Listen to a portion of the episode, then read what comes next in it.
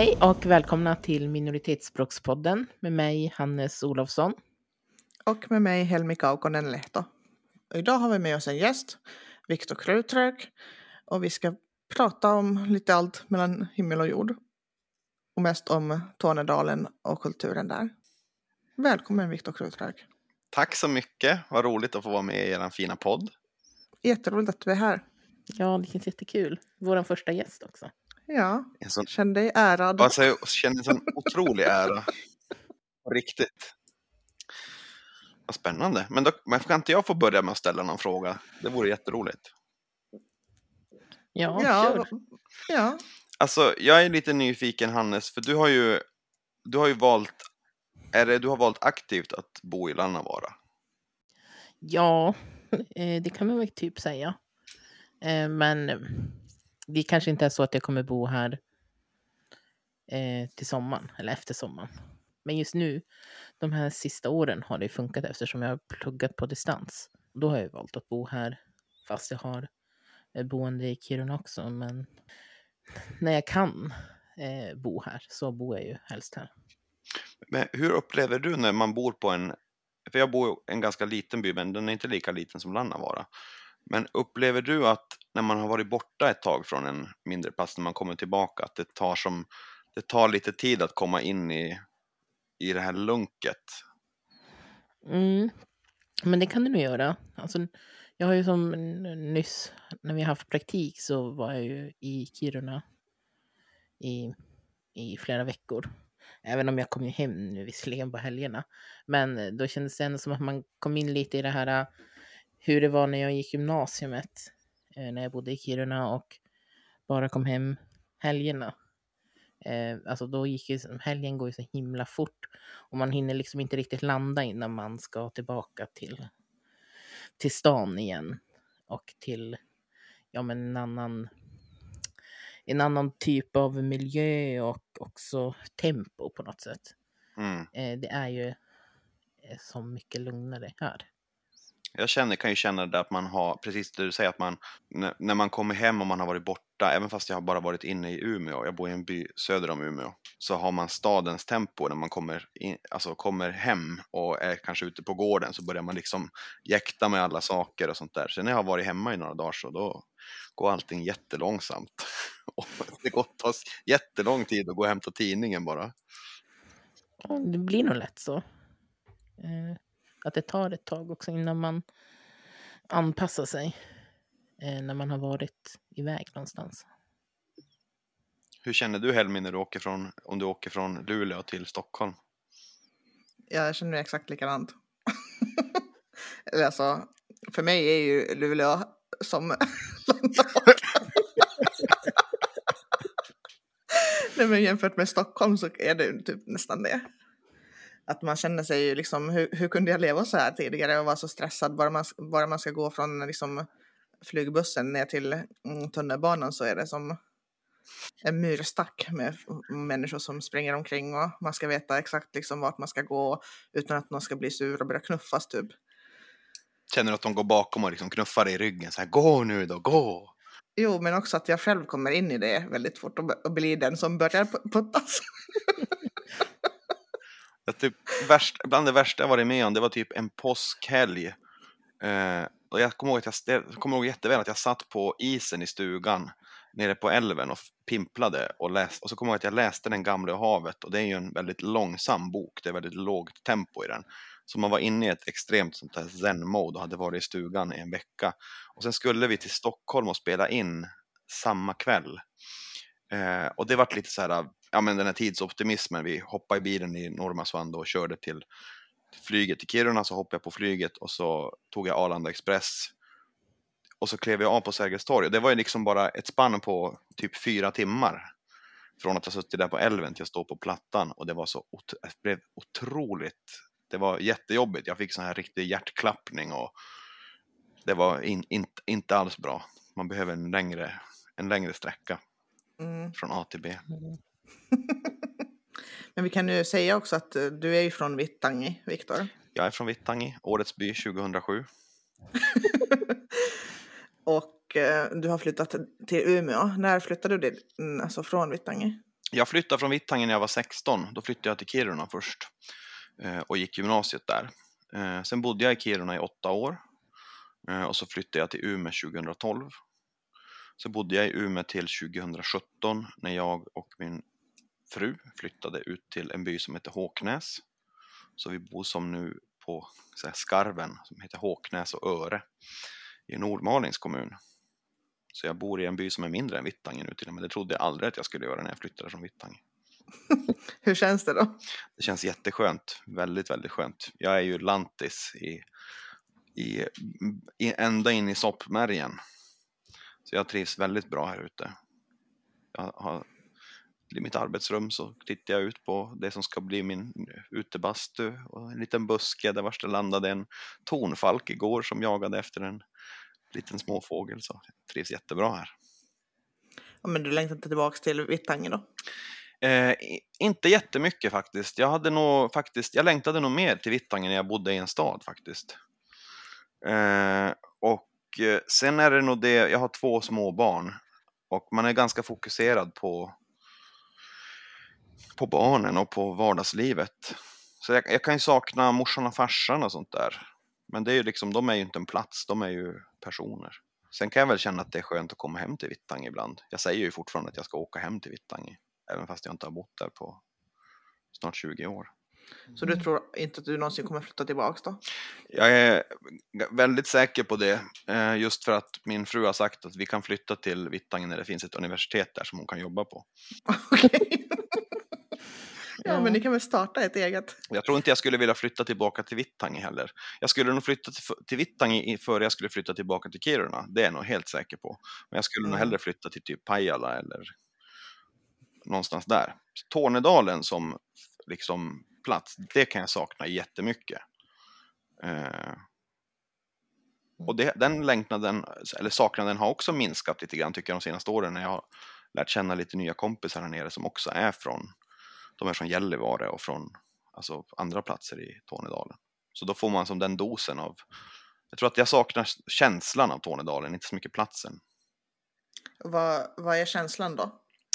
Ja men eh, lite det här att man har, man förstår varandra på ett sätt att, jag menar de här, de här människorna lärde jag känna bara för något år sedan. Så vi har inte känt varandra så länge, men vi har blivit väldigt goda vänner. Och det kommer nog så mycket av att man, när vi började lära känna varandra så kände, så kände man direkt att ja, men vi, vi har samma bakgrund, man har samma narrativ och vi har samma sätt att prata på och förhålla oss till saker. Våra föräldrar kommer från samma del av landet och man har lite samma historia. Malmfältare eller tornedalingar i exil i Malmfälten lite grann. Min kompis Per som sjunger i bandet Värt, han brukar säga att Malmfälten är ett arbetsläger för tornedalingar. Men kommer båda dina föräldrar från eh, Vittangi? Nej, min mamma kommer från en, hon kommer från byn där vi har stuga, Normaswando, som är, ligger tre mil från Vittangi. Och min pappa kommer från Apua, som är en liten by i Pajala kommun, som ligger mellan Pajala och Korpilombolo. Mm. Men du har vuxit upp i Vittangi Jag har vuxit var liten? Jag är född på Gällivare BB och uppvuxen i Vittangi. Mina, min mamma flyttade till Vittangi eh, med sin familj då 1969. Och farsan flyttade till Kiruna med sin familj 1970 tror jag. Något sånt där. För att jobba i gruvan. Min farfar skulle jobba i gruvan. Ja, det känns ju som att det är standard för de flesta. Jo, det, de, faktiskt så var det mycket så att de, de jobbade i skogen i Apua ganska mycket. Eh, och sen så var det väl mindre jobb i skogen och då flyttade de till Kiruna och jobbade i gruvan istället. Ja, mm, Viktor, du spelar ju i bandet Höstorkestern. Och vi har ju fått låna våran introlåt från er. Mm. Ja, det har jag hört. Ja, det känns jättekul att vi fick använda den. Den, ja, men den känns som att den passar väldigt bra. Eh, kan inte du berätta lite mer om den? Eh, ja, det är väl outrot till en låt som heter Glesbygdssynt. Och eh, det som vi spelar där, det är ju egentligen en gammal finsk låt som heter Säkkijärven polka. Som vi Mm. har med i våran låt som en avslutning.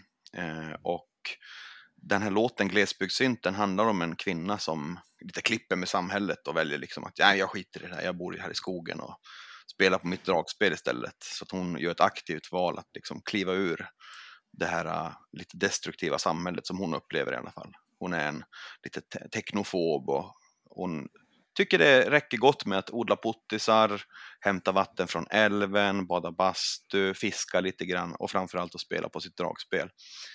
Eh, och eh, det finns ju lite så här olika metaforer i den här låten som, jag menar, jag som har skrivit texten till den tänker jag att de här var ju himla kluriga och bra, men det är ingen som förstår dem överhuvudtaget. så har det alltid varit när jag har varit lite tänkt att jag ska vara lite klurig. Så sitter man och bara väntar på att någon ska säga, jaha, men det här, du tänkte så antar jag? Jo, så var det. Och det har inte hänt än idag heller. Och eh, på slutet så är det ju en stor smäll. Och det här är ju då en liten, ah, alltså hon nu kommer jag inte ihåg exakt hur texten går på slutet, men det är väl lite grann en, en blink till att det kan bli atomkrig. Att det liksom spelar ingen roll var som bor någonstans.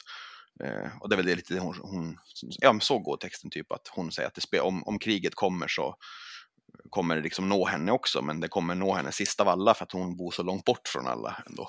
Så det är ju skönt i alla fall. Mm. Och eh, under andra världskriget när eh, ryssarna flög in och bombade Finland så störde de finsk, alltså finska motståndsrörelsen störde ryssarnas radiosändningar med att spela Säkkijärven polka. Så att när de flög in över finska gränsen så började Säkkijärven polka spela i deras radio. så, att, det är lite... så sen så tror jag vi bara valde den för att det är en, sån, det är en väldigt, ja du vet väl Helmi att det är en väldigt typisk finsk låt. Den dyker upp hur, vars man än vänder sig. Det är lite som sommaren är kort i Sverige. Jo, den är väldigt, väldigt finsk. Men också, alltså, det känns ändå som att den är också väldigt populär, mm, kanske bland äldre befolkningen i, i Tornedalen också. Mycket, mycket. Eh, jag, mitt första instrument är dragspel, jag började spela det när jag var tio. Och min pappa hade lite så olika dealer med mig. Så han sa när jag kunde spela Drömmen om Elin av Kalle Julabo, eh, som han brukar säga, som rinnande vatten, då skulle jag få 1500 kronor. Det klarade jag. Mm. Så sa han, om du klarar Säckjärven polka, då får du 10 000 kronor. Och det har jag inte klarat ännu. inte ens 10... är, den, är den väldigt svår? Den är, ja, jag tycker den är, jag tror nog att den är väldigt svår. Jag vet inte vad man ska jämföra med, men jag har aldrig klarat den och 10 000 var inte nog med motivation för att jag skulle öva. Fortfarande inte? Nej, jag har ännu inte lärt mig det. Jag, jag, spelade ju, jag spelar ju dragspel på den här, men det, dragspel är ju uppbyggt att man spelar med diskant på ena sidan och så bas på andra, så man kompas som sig själv.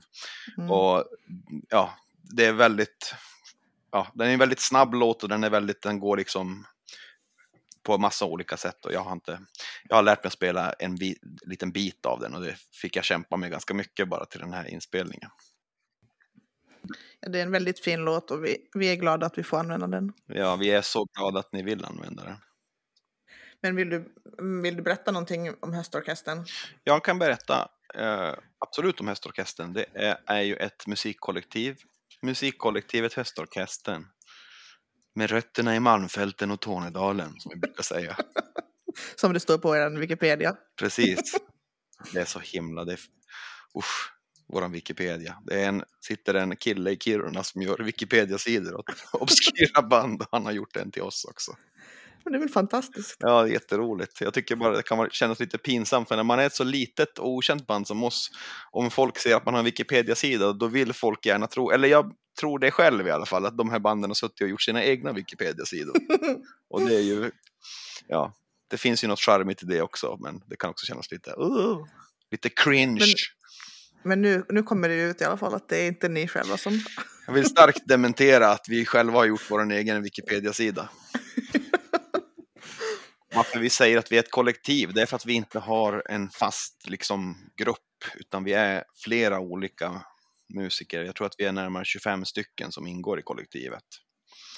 Eh, av den enkla anledningen till att när vi är så utspridda så är det så svårt att bara säga att nu Kalle spelar bas och, och, Petra spelar trummor och Nisse spelar ditten och datten, utan då har vi istället flera trummisar. som finns lite utspridda. Så när vi spelar på lite olika ställen i landet så kan vi ringa till Johan och Elin som bor i Stockholm och säga att nu ska vi spela i Södertälje. Kan ni komma hit och kompa? Eller vi spelar tillsammans. Kompa är fel ord för att vi spelar tillsammans. Och då kan vi ju nämna också att eh, ni ska ju snart släppa lite nya låtar. Ja, vi ska spela, släppa lite nya låtar som har översatts till meänkieli av lite Mm. olika Kan du inte berätta lite om det projektet? Ja, men vi har ju eh, varit lite av ett husband på en festival som heter Aurinkofest. De har haft två festivaler och vi har spelat på bägge två, så då kallar vi oss själva för deras husband. och eh, de skulle ju ha då en festival 2020, men den ställdes ju in av förklarliga anledningar.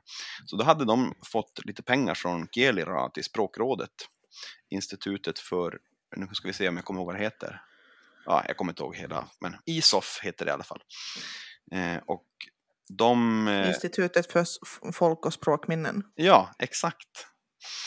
Eh, och de hade då fått pengar av dem som de ville använda, de skulle använda dem. Och eftersom de inte kunde göra en festival så ville de då göra någonting annat för att uppmärksamma Tornedals kultur. Och då blev vi kontaktade av festivalen och de frågade kan inte ni spela in ny musik på, på meänkieli? Eh, för vi hade en, eh, nyligen släppt en låt som hette Meänfestivali, där vars vi sjöng på meänkieli i en del av låten. Och då tänkte vi att det kan vi absolut göra. Och de hade nog först trott att vi skulle översätta gamla låtar till meänkieli, men vi ville skriva nya. Så då skrev vi nya låtar och så hörde vi av oss till lite olika personer i Tornedalen för att få lite olika dialekter på meänkieli. Så det är sex stycken låtar som har översatts, varav två av dem är eh, en, en låt är en gammal outgiven låt och en låt har vi gett ut tidigare. Men sen är det fyra stycken som är helt nyskrivna. Och den låten som ni har gett ut tidigare är ju också väldigt relevant för det här projektet. Ja, den heter Tornedalens sång. Eh, och är det den du menar? Jo, precis. Ja, precis. Den heter Tornedalens sång och eh, den kom på vår förra skiva. Eh, och den handlar lite om en vandring genom en tornedalsk by. Eh, där vars man liksom tittar på kanske vad en by har blivit för en, vad den var förut och vad som har förändrats. Eh, att man kanske var där mycket på somrarna och då var man igenkänd för att man var den och dens barnbarn men nu är alla döda och man har blivit vuxen och ingen känner igen en. Man tittar på gamla hus som har stängts igen och sånt där. Kanske lite, ja, lite det låter ju extremt sorgligt men jag kan tycka det finns någonting fint med det också. För mig är det ju Mm. Apoa för där vi, var ju vi alltid på somrarna och nu är det många där som, som har dött för att ja, det är ju så det är. Mm. Mm. Hur tänker ni liksom kring, ja, jag tänker på det där kring att, att eh, eh, alltså att, att platser blir så otroligt förknippade med specifika personer och när de personerna försvinner från platserna, kanske att de flyttar eller att de går bort, att liksom det, det finns ändå någon slags kärna av de personerna kvar i det, fast de inte finns där. Man blir som för lite fast kanske i nostalgi. Eh, nu har ju jag ännu, eh, i Lannavaara har ju jag ännu eh, liksom eh, mina personer kvar. Även om eh, eh, min mormor inte lever, de mer som på något sätt eh, känns som en, en kärn, stor kärna för mig. Även om hon inte, hon kommer från Ångermanland egentligen och har flyttat, flyttat upp hit eh, eftersom min, min morfar är härifrån. Eh, så det, egentligen så är inte hon eh, hennes rötter är inte här i Lannavaara men ändå är det som eh, att jag förknippar henne så himla mycket med det. Eftersom min morfar dog ändå när jag eh, inte var så gammal. Så att det är som mormor som har varit min, ja men, min kärna här. Eh, vi har liksom bott grannar och jag har vuxit upp med henne. Eh, men jag tror att det ändå alltid kommer, jag kommer nog ändå alltid eh, förknippa eh, Lannavaara med henne. Eh, även, även nu när hon inte finns här. Eh, och även tänker jag så att det kommer vara så även när det, ja, om inte, jag vet ju inte såklart om, om jag kommer bo här någon gång i framtiden eller när jag blir äldre, men jag tänker när resten av släkten och sånt kanske inte finns kvar här. Eh, så känns det ändå som att det är så djupt rotat, eh, våra rötter här. Att de fortfarande finns kvar fast inte människorna skulle finnas kvar. Mm. Mm. Jag tänker på typ, alltså eh, farsan brukade säga när vi var små att om, ja men, för den här klassikern i Tornedalen, den är säkert, jag har inte stött på, på det på så många andra platser med att man frågar vems pojke är du eller vems flicka är du? Eh, Mm. och, och då är det den här, då ska, då ska ni säga att ni är Mattsson, din bror, din pojan pojka, att ni är bror Mattssons barnbarn, då vet de vilka, vem man är. Eh, men min farfar, han hette, det var han som hette Bror då, han dog ju redan 92. Och eh, ja, men det är lite det här att, att man, man känner att, så här, att jag, jag eh, man, man, man tappar som eh, allt mer sin, eh, vad fan ska man kalla det, eh, typ rättighet till en plats nästan. Mm. Alltså att Mm. jag, sakta men säkert så försvinner mina liksom, kontakter med, med Apoa då, som i det här fallet. För att det är fler och fler som flyttar därifrån och fler som blir äldre. Nu, fin, nu finns det ändå en, en del kvar där och jag brukar hälsa på dem ibland när jag, när jag har möjlighet. Eh, men sen när alla de är borta, då är det så här, ja men de som bor där, de vet ju inte, har ju ingen aning vem jag är. Liksom. Jag kan inte, eh, det finns ingen att dricka kaffe hos där och sånt där. Och man vill ju gärna göra det. Och det är ju en liten, det är ju en väldigt så här, äh, stats, äh, så här, lite, jag kan tycka stadsmänniskosyn på det. Att, ja, men, att man har rätt till en plats som, jag menar jag har ju aldrig bott där i Apo, jag har inte varit där aktivt på flera år. Och ändå så kan jag känna att jag typ har, ja men jag måste också få finnas lite här, lite grann. Ja, det. Mm. Jag vill inte vara, så, känna sån här depp inför Tornedalen. Men jag gör många gånger det när man kör på de där vägarna som är alldeles rosa för att de är så tjälskadade. Och det är stora liksom, stora liksom lappar av asfalt på dem. Och det är, en, det är en, en del av landet som väldigt många har väldigt lite kunskap om. Ändå så är det en, en landsända som bidrar med väldigt mycket till och har bidragit väldigt mycket till att Sverige har kunnat bli ett rikt land. Men man skiter i det liksom. Du har liksom, Pajala har väl en av de högsta kommunalskatterna i Sverige medan Danderyd har en av de lägsta. Det provocerar mig otroligt mycket. För Danderyd har aldrig producerat någonting. Folk har bara, bara, folk har bara bott där för att de är rika.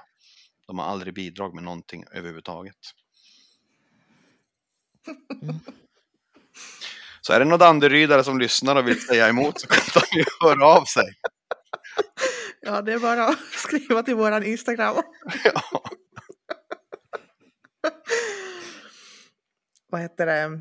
Men om vi ska återgå till det här med, med meänkieli och att ni gör låtar liksom nu på meänkieli. Hur, hur känns det liksom för dig? Alltså, för du, du kan ju inte meänkieli, Nej. men du håller på att lära dig nu. Ja, sakta men säkert eh, upplever jag väl att det går.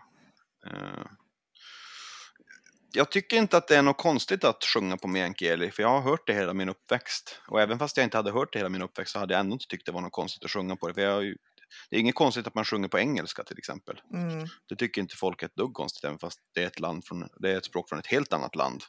Eh, och man förstår, det är många som inte förstår vad de sjunger när de sjunger på engelska heller. Så jag tycker inte att det är konstigare att sjunga på meänkieli än att sjunga på engelska. Och varför vi också valde det från första början till den här låten med en festival, det var ju för att det skulle ge en, en ny dimension till den låten. Det var liksom bara ur ett konstnärligt perspektiv, om man får vara så högtravande med konstnärligt.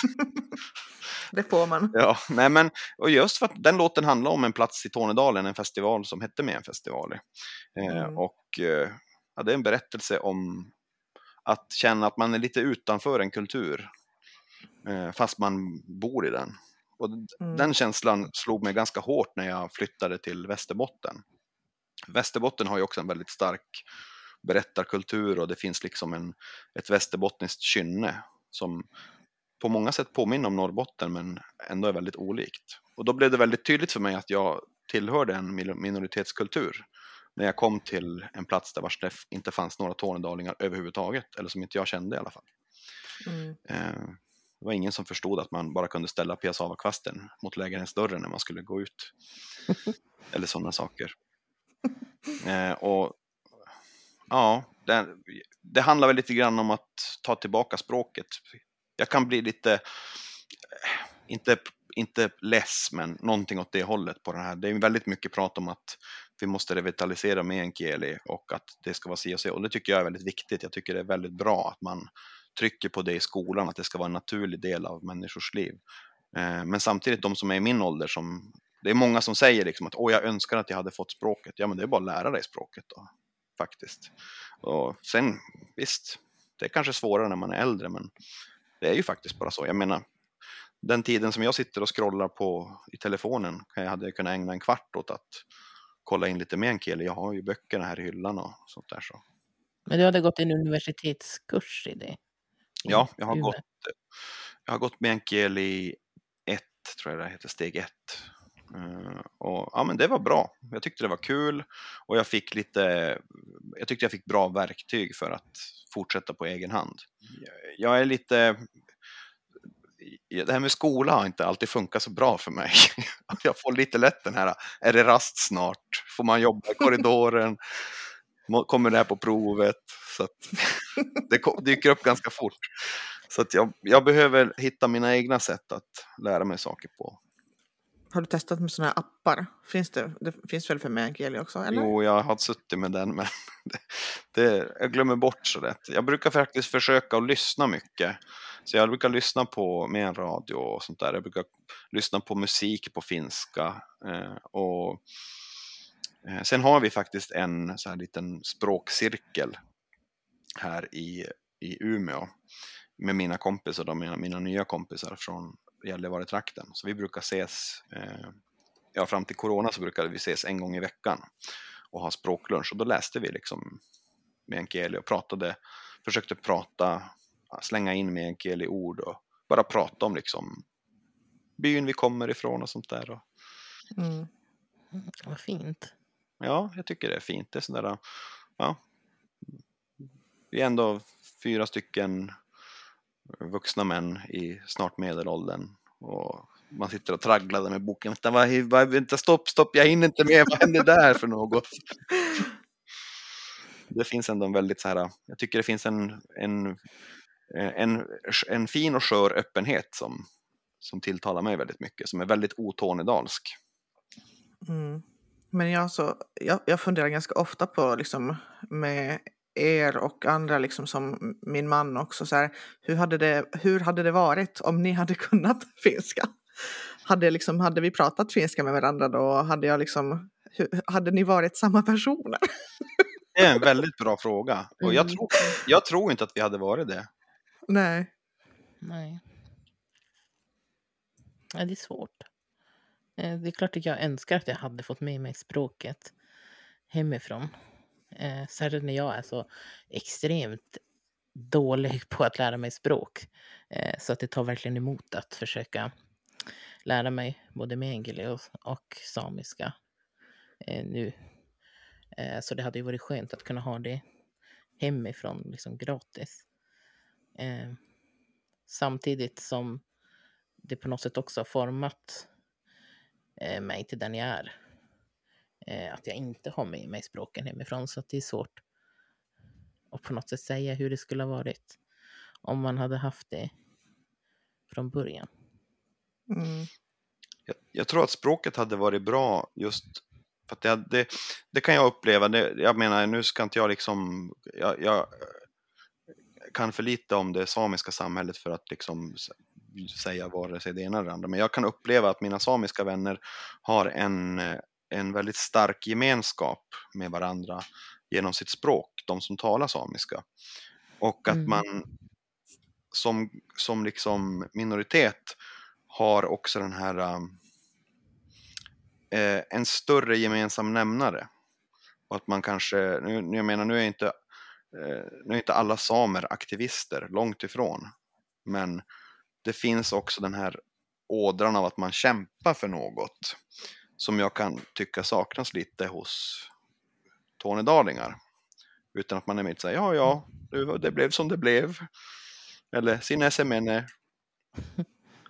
Eh, jag hade velat se en större kamplusta i. Nu är jag också lite sådär, jag tycker ju om när folk demonstrerar och ockuperar saker och sånt där. Så jag vill ju gärna att Tornedalingarna skulle ockupera fler av sina nedläggningshotade butiker i små byarna. och sånt. Men det, ork, det, det, det gissar de inte med. Mm. Kanske, nu kanske de, du, du, du, sår ett frö nu.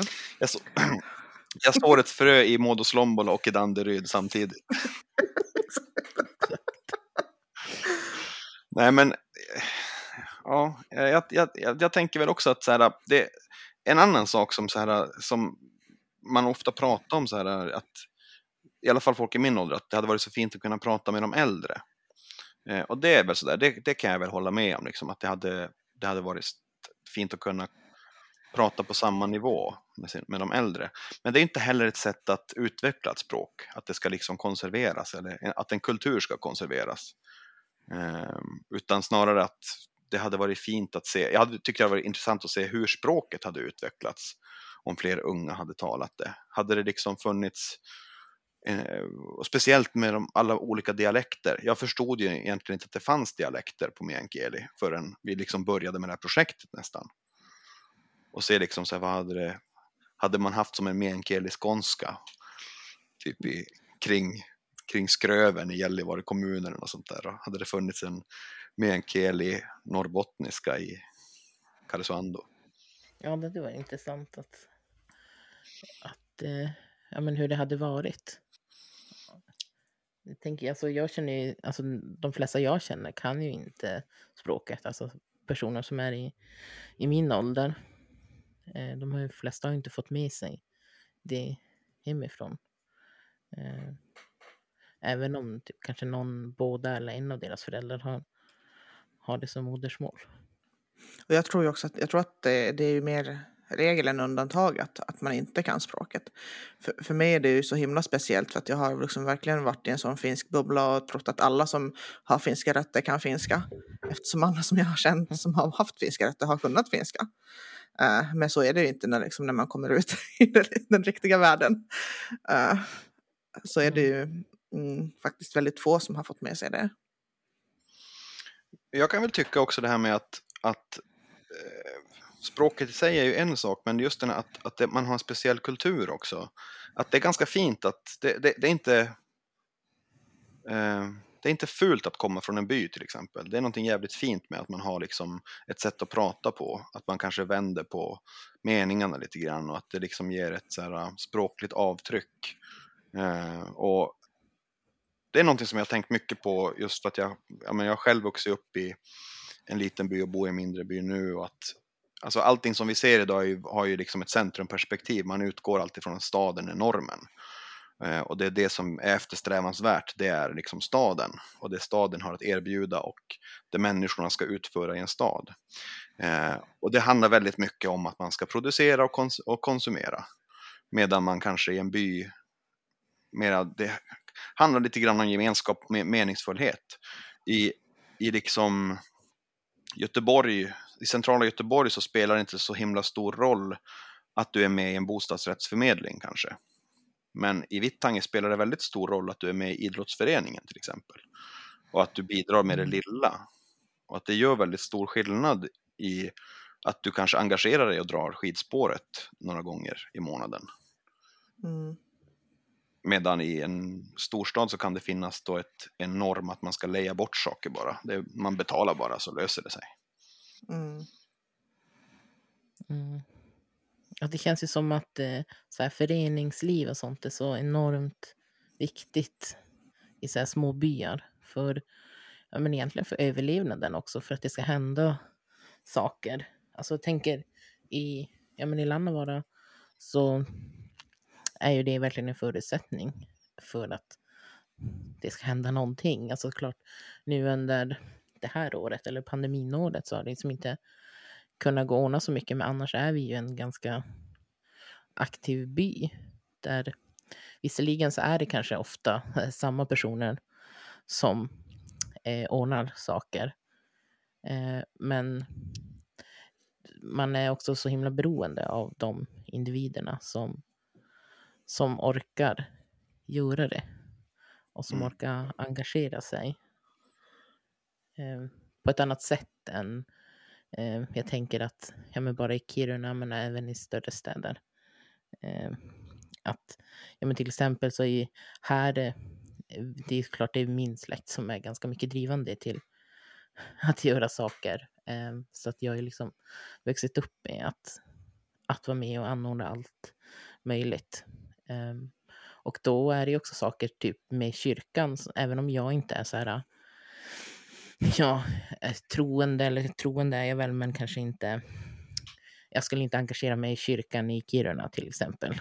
Mm. Eh, eller någon annanstans. Men här eh, hjälper man till och gör saker för att man vill ha kvar det och för att det är viktigt för byn. Mm. Eh, så, ja, jag tror många inte förstår riktigt det. Alltså så här kompisar som är från andra ställen förstår inte riktigt hur, varför jag engagerar mig i det. Eh, för att eh, de skulle inte liksom eh, förstå, kunna göra det i, ja, men i större städer eller så. Jag jobbade tidigare med, med, jag jobbar med föreningar nu också. Jag har en väldigt stark kärlek till föreningar. Tidigare så jobbade jag med, för en riksorganisation för ideella kulturföreningar. Och eh, så här, föreningslivet i Sverige överlag är ju liksom, det är inte alls vad det har varit. Eh, och det är svårt med återväxt och det handlar ju kanske mycket om så här, folk kanske har svårt att se en mening med att vara med i en förening och sånt där. Men på de platser där vars, precis som du säger, så är ju landsbygden är ju Dels är man ju i stort behov av att föreningarna finns för att samhällsservicen kanske är dålig. Så du behöver ha en vägförening som plogar till exempel för att det, Mm. kommunerna har dragit in plogsvängen och sådana saker. Men sen är det också alltså, eh, nyanlända grupper, alltså etniska föreningar, är ju väldigt aktiva och engagerade och där är man väldigt, också väldigt mån om att barn och unga är med i föreningen från början. Man liksom får en, man skapar meningsfullhet tillsammans. Och det kan vara då att det är SFI-grupper eller att man får liksom ha liksom simträningar och lära sig simma och sånt där. Eller bara att man ses och har gemenskap. Och att det är viktigt att se gruppen, inte bara kanske sin familj, utan att vi är, ett, vi är en del av ett samhälle. Vårat liksom kvarter har en stark förening där vars vi bara gör saker ihop. Och det där tycker jag, liksom, det, tyck, det tycker jag att liksom gemene man kan lära sig ganska mycket av. att det behöver inte alltid handla om att det är eh, att det ska säljas si och så mycket saker eller att man måste, eh, det ska finnas en, ett resultat av någonting. Resultatet kan ju bara vara att det, att det är meningsfullt för människor. Eh, och det, är sådär, det, det, det finns ju en sån anda i Tornedalen. Man brukar ju prata om den här stolen som står i köket vid köksväggen. Den var som alltid till för att folk bara kunde komma in och sätta sig och surra med folk som satt i köket. Eh, då kanske de som var lite eljest, som var lite ensamma. Så, ja men han, är, han, han sitter här ett tag och bara lyssnar och är med. Det fanns liksom en, i en liten by så finns det en plats för alla, även för de som är lite eljest. Eh, och det tycker jag är väldigt fint. Att man har som en, man har en, man har en betydelse. I det här samhället som, i det stora samhället ute i den stora världen. Där har de, det, det tvättar man ju bort väldigt mycket, de här, ska vi säga, som vi brukar säga, originalen. Det är Mm. liksom, de passar inte in i den här perfekta bilden av, landet. Och vad är en perfekt bild? Är det liksom re, rena hörn? Eller är det ett samhälle där vars alla får finnas? Mm. Jag blir så förbannad.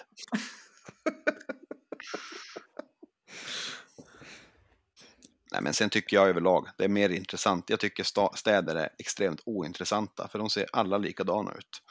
Men byarna, de ser ju inte alls likadana ut. De är ju jätteolika varandra. Där får man se alla människor också. Det jag tycker är tråkigt med Håknäs är att det bor inte så mycket nyanlända personer här. Så att mina barn växer inte upp i en rättvis bild av Sverige. De växer upp i ett vitt homogent samhälle medan de hade kanske sett mer av den riktiga världen om vi hade bott i en förort till Umeå till istället. Mm. Mm. Jo, men vi ville ju också gratulera dig för det här priset som du vann. Och tack så mycket! Vilket Ehm. av dem? Det är så himla många. är det Minivasan 98? Nej, men för den här texten som du skrev, novellen. Ja, just det. eh, för Norrländska litteratursällskapet. Ja, det var jättekul. Jag trodde verkligen inte jag skulle vinna. Helmi berättade ju lite kort vad den eh, handlade om. Ja. Eh, eh, kan inte du bara berätta lite hur du tänkte när du skrev den? Och ja, kanske, tänkte, alla har ju säkert inte, alla har inte läst den, så du kanske kan berätta Nej. lite kort. ja, det är ju då, de har ju en, utlyser en tävling varje år där vars de har ett specifikt tema. Eh, I år, eller förra året så var det eh, Arktis var temat och stilen skulle vara noir, alltså väldigt så deprimerad eller lite uppgiven. Och då skrev jag som en, typ som en logg i en, i en framtid, en dystopisk framtid där vars det typ har skett en andra istid eller något sånt där. Och då är det en man och hans familj som är, eh, den heter Utsänd, den här novellen. De är utsända eh, någonstans kring Abisko och ska samla in, han ska samla in eh, botaniska prover för att de ska kunna återskapa till exempel blommor och sånt där eh, i labb för att kunna på något sätt bygga upp den här världen igen. Eh, och eh, den här loggen, den liksom, den, jag tror den utspelar sig under typ tio månader och då har de redan varit där ett tag. Så att det är lite som i The Shining, han blir tokigare och tokigare. Eh, och det slutar med att han börjar, bli, han börjar resonera väldigt så här att vad som är praktiskt och vad som är liksom, det här är inte liksom, vi måste vara eh, logiska och sånt där. Att det, han har en liten vetenskaplig touch på det. Att det, är ett, ett, eh, det har blivit något utsläpp av en gas och det är en viss typ, alltså det är bara ett visst utval, urval av människor som kan leva med det här och då är ett av barnen som blir sjukt i det här och eh, så eh, det slutar med att, jag vet inte om jag ska spoila alla som Nej, du behöver inte. Spoila inte. Nej. Nu, det, det var så spännande här, det här så att det blir roligt om folk letar upp. Mm. Det, går, det borde väl finnas på bibliotek fortfarande? finns på tidningen. bibliotek och man kan köpa det från, från eh, den heter Provinstidskriften, jag tror man kan köpa den. Jag kan rekommendera folk faktiskt att läsa Provins som är intresserade av eh, norrländsk kultur, för det är en väldigt bred tidskrift med norrländska kreatörer, både konstnärer, skribenter och musiker och sånt där. Den är väldigt gammal och anrik, mycket fin. Det kan väl sägas att eh, eh, min fru är ju lite, inte känslig ska jag säga, men hon tycker det är lite jobbigt med läskiga historier. Eh, så hon, eh, eh, när jag sa att hon frågade så att, ja, men vad är det du ska skicka in för någonting? sa ja, men den är ganska obehaglig, du kommer nog inte gilla den. Hon sa, nej, jag vill inte läsa den. Jag vill inte läsa den, jag kommer bara tycka det är obehagligt. Så då läste hon inte den. Eh, så jag trodde som sagt inte att jag skulle vinna. Så vann jag ändå. Eh, och sen vart det som inte att hon läste den ändå. eh, så hon läste den första gången när hon fick det tryckta numret hem i våran brevlåda. Så tyckte den var väldigt obehaglig för att jag skriver ju ur en, en perspektiv med en man, eh, en kvinna och två barn. Precis som vi har. Så hon tyckte det var lite obehagligt. Jag har skrivit andra hemska historier förut som hon har läst och eh, tyckte väl att, ja, hon tyckte det var väldigt hon tyckte att jag kunde ha sagt lite grann i alla fall vad den handlade om så hon hade fått bedöma själv. Inte det att hon skulle ha sagt nej, det här får du inte skicka in, men att hon åtminstone hade varit förberedd på det. Ja. Så jag har fått ge, det är andra gången nu jag har fått ge det här löftet att jag måste säga till om det är någonting som är hämtat från mitt eget liv. Mm. Ja, alltså jag är ju glad att jag vet slutet nu innan, om jag ska läsa den, som jag har tänkt göra. Eh, så är jag ändå glad att jag vet eh, slutet. Eh, för att jag kanske inte vill läsa just det. För att jag är också känslig. Jag gillar inte läsa läskiga saker. Jag gillar inte heller att läsa, jag läser inte så mycket läskiga saker, men jag är väl lite knäpp kanske. Och jag tror att min fru brukar säga att jag är lite svårimpad. Att jag blir inte så himla så här, ja, det var väl inte så farligt det där. Det var ju en som körde ihjäl sig och sen vart det inget mer med det. Hon brukar gradera, eftersom jag, eh, Jonas som är den andra sångaren i höstorkestern, och Helmis man dessutom. Mm. Vi brukar säga att jag är svårimpad och Jonas är mer svårimpad och så finns det en i Pajala, han är jätte, jätte svårimpad. Han blir inte ber berörd av någonting överhuvudtaget.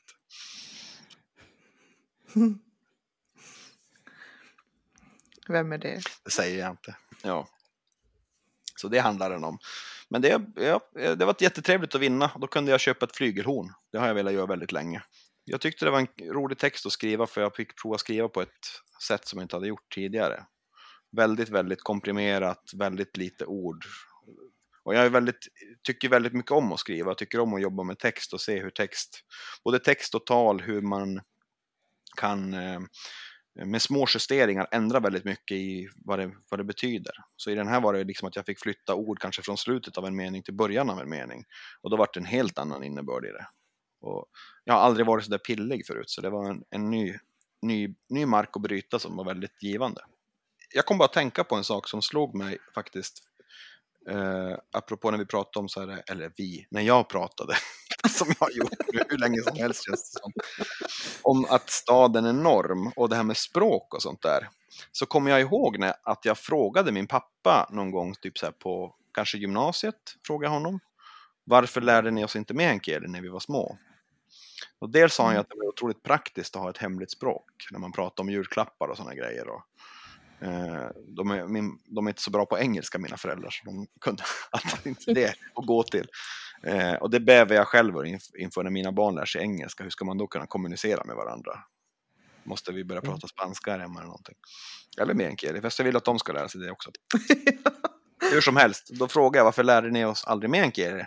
Och då sa han att varför, eh, ja, det är väl bara, dels så sa han att det är bara att lära dig meänkieli om du vill lära dig det. Och sen sa han att det är väl bättre att ni lär er engelska istället. Eh, för det har ni mycket mer användning av när ni ska flytta. Och det var liksom den bestämda normen att är, ni ska inte bo kvar här. Utan mm. ni ska mm. flytta till en plats där vars meänkieli inte behövs. Där vars mm. engelska behövs mer. Engelska eller tyska. Eller något annat sånt språk.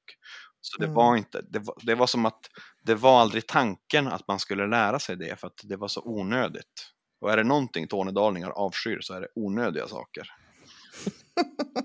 Nej, men, och sen, så här, det, sen märker man ju nu, och det, det handlar väl liksom om den bilden de hade fått av vad språket var för något. Det var ju bara byfinska och babbel och liksom bärgningsbil och lastbil i hytti och liksom en slarvfinska. Även fast det var det språket de var uppvuxna med och, och pratade bara hemma. Eh, och jag tror att det var den känslan som fördes över också på oss, att det här är onödigt, vi behöver inte lära oss det. Sen när man började uppmärksamma språket på ett helt annat sätt och att det började lyftas fram liksom att ja, men det här är en värdefull kultur. Det finns ett värde i att vara från byn och ha liksom piassava-kvasten lutad mot dörren. Det finns ett värde i det. Då började man känna mm. liksom att och sen när man blev äldre och började tänka att jag har rötter, vars är de någonstans? Vem är jag? Jag kan inte språket, det är ingen här i Umeå som har piassava-kvasten mot dörren. Vad, vem är jag? Mm, jag skulle också kunna prata om det där hur länge som helst. Mm, men vi kan ta ett, ett annat avsnitt, vi får bjuda in dig en gång till. Ja, jag sitta och puffa på min pipa? Hmm. Ja. Hmm. ja, men tack så jättemycket att du var med här. Det var kul och givande att höra dina historier som vanligt. Ja, det var jättefint. Tack ska ni ha för att jag fick komma. Det var en stor ära och jag kan rekommendera alla att skohorna sig in och få vara en gäst i den här podden. Det var super, super trevligt. Alla mina vänner i Danderyd och Modos Lombolo. ja, tack så jättemycket. Tack. Hej då. Hej då.